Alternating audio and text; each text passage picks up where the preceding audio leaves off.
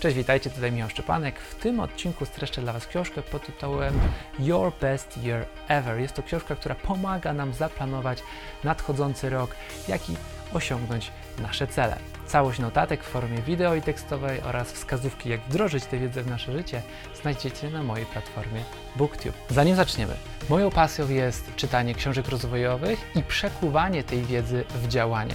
Dlatego stworzyłem społeczność BookTube, czyli miejsce dla osób, które razem ze mną chcą poznawać dwie książki w miesiącu. Książki z rozwoju osobistego i biznesowego. Prosto na maila wysyłam moje notatki w formie tekstowej i wideo, dzięki czemu możesz poznawać najciekawsze idee świata i oszczędzić czas. Otrzymasz również dostęp do kilkudziesięciu moich wideo notatek z książek, które każdy przynajmniej raz w życiu powinien przeczytać. Wejdź na booktube.pl i dołącz do naszej społeczności. Tymczasem przejdźmy do odcinka. Pierwsza rzecz to jest taka, żeby sobie uświadomić, że nasze życie składa się z wielu sfer. I autor wymienia tutaj 10 sfer, które po prostu wpływają na nasze samopoczucie i szczęście. Jest to inaczej nazywane kołem życia, czyli każdy ma koło życia i te różne sfery tworzą to koło. Jeżeli jedna sfera życia nie jest wystarczająco rozwinięta, a inne są, no to to koło nie jest idealnie okrągłe.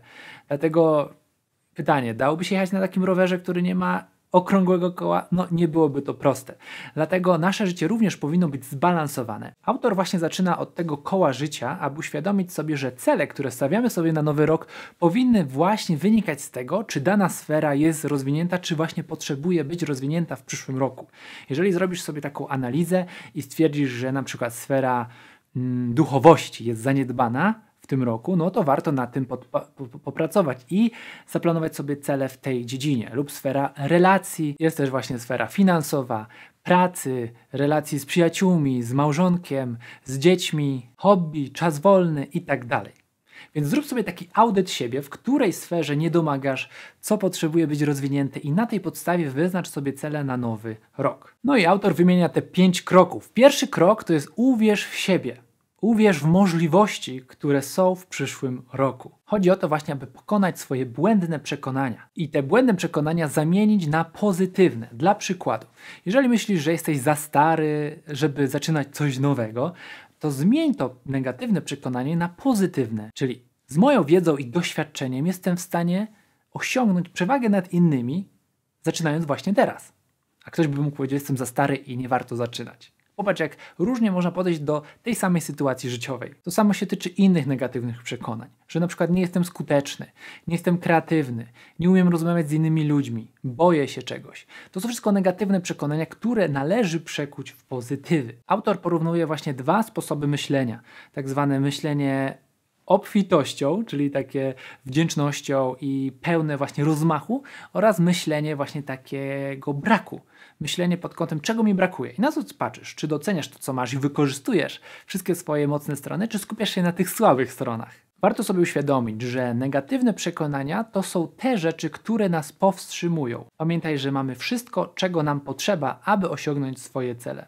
Jedyny problem może być z brakiem jasności, jak wykorzystać to, co mamy. Ale to już temat na inny odcinek. Autor proponuje takie ćwiczenie, aby wykonywać codziennie rano po wstaniu z łóżka. Zastanów się, za co jesteś wdzięczny. Doceń to, co masz i nie porównuj się z innymi. Jeżeli każdego ranka będziemy wyrażać swoją wdzięczność za to, co mamy, to zobaczymy, że będziemy szczęśliwsi i będziemy korzystać z tych właśnie mocnych stron, które zostały nam dane i rozwijać swoje talenty. Ok, więc pierwszy krok do zaplanowania idealnego roku to jest uwierzenie w siebie, czyli po prostu przekucie tych słabych stron w mocne strony, tych negatywnych przekonań w pozytywne przekonania. Drugi krok to jest uporanie się z przeszłością, czyli zamknięcie przeszłości, po to, aby nie była ona dla nas bagażem w przyszłym roku. Co to oznacza? Zanim zaczniesz wyznaczać cele, uporaj się z przeszłością, czyli zatrzymaj się i zrób refleksję na temat poprzedniego roku, po to, aby uniknąć tych samych błędów. Jak to zrobić? Po pierwsze,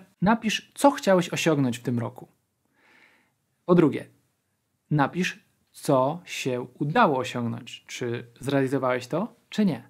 Jaki był wynik? Naucz się z tego doświadczenia, wyciągnij wnioski, dlaczego poszło tak, a nie inaczej. I dostosuj swoje zachowania pod przyszły rok, aby nie powtarzać tych samych błędów. Wydaje się to bardzo proste, ale kto z nas zatrzymuje się pod koniec roku, czy też pod koniec dnia chociażby i zastanawia się, robi sobie taki rachunek sumienia, co mogłem zrobić lepiej? Gdyby każdy człowiek czynił taką refleksję, świat byłby dużo lepszy moim zdaniem. Chodzi o to, że negatywne doświadczenia z przeszłości mogą wpływać na naszą teraźniejszość i na naszą pewność siebie. Jeżeli dla przykładu powtarzamy cały czas ten schemat, że planujemy sobie coś, ale prokrastynujemy i nie dokończamy tego, no to pojawia się w nas taki mechanizm jak wyuczona bezradność. Czyli wyuczamy w sobie taką bezradność, że i tak nie ma sensu stawiać sobie nowych celów, postanowień, bo i tak w przeszłości e, miałem z tym problemy. Więc powtarzając się ten schemat, coraz trudniej jest nam osiągać chociażby postanowienia. Stąd też właśnie większość postanowień nie wypala, bo mamy tak wyuczoną bezradność i śmiejemy się z tego, że co z tego i tak nikt nie realizuje swoich postanowień. Jeżeli interesuje Was temat właśnie realizowania celów, postanowień, to podlinkuję mój kurs online w tym temacie. Zapraszam. Czyli podsumowując ten rok w drugim kroku, nie patrzmy tylko na negatywy, ale też doceńmy sukcesy, które udało nam się osiągnąć. Czyli pierwszy krok to jest zmiana negatywnych przekonań na pozytywne. Drugi krok to jest zatrzymanie się, refleksja nad tym, co było i zmiana y, strategii na nowy rok. I trzecia rzecz to jest projektowanie swojej przyszłości. Tu się zaczyna robić ciekawie. Przy wyznaczaniu celów możemy popaść w dwie pułapki. Pierwsza to jest wyznaczanie zbyt dużych celów, a druga to jest wyznaczanie zbyt małych celów, czyli zbyt duże cele nas przytłaczają, a zbyt małe powodują, że nie mamy motywacji, bo są właśnie mało ambitne. Dobre cele to takie, które trochę wykraczają poza Twoją strefę komfortu. Kiedy poczujesz dyskomfort na myśl o zrobieniu pewnych zadań, ale to właśnie za tą granicą strachu często jest rozwój. Czeka na nas rozwój właśnie poza granicą poza strefą naszego komfortu. Autor podaje taki przykład pisania książki. Jeżeli piszesz książkę i Twoim celem jest zdobycie Nagrody Nobla w literaturze, no to jest to zbyt duży cel, który Cię przytłoczy. Jeżeli dasz sobie właśnie taki z drugiej strony cel minimalny, że chcesz napisać książkę w ciągu roku, pierwszy jakiś draft, no to może być to z mało ambitny cel. Trzeba znaleźć ten złoty środek, który poniekąd wybije cię z tej strefy twojego komfortu, na przykład napisanie pierwszego draftu w 4 miesiące, co będzie cię motywować, aby zrealizować ten deadline. Hej, dzięki za zapoznanie się z tymi fragmentami notatek. Jeżeli chcesz poznać więcej ciekawych idei z tych książek, wdrożyć wiedzę w swoje życie, to dołącz do BookTube'a, link pod tym filmem, do społeczności ludzi, którzy chcą wdrażać wiedzę z książek w swoje życie. Do zobaczenia w następnym odcinku.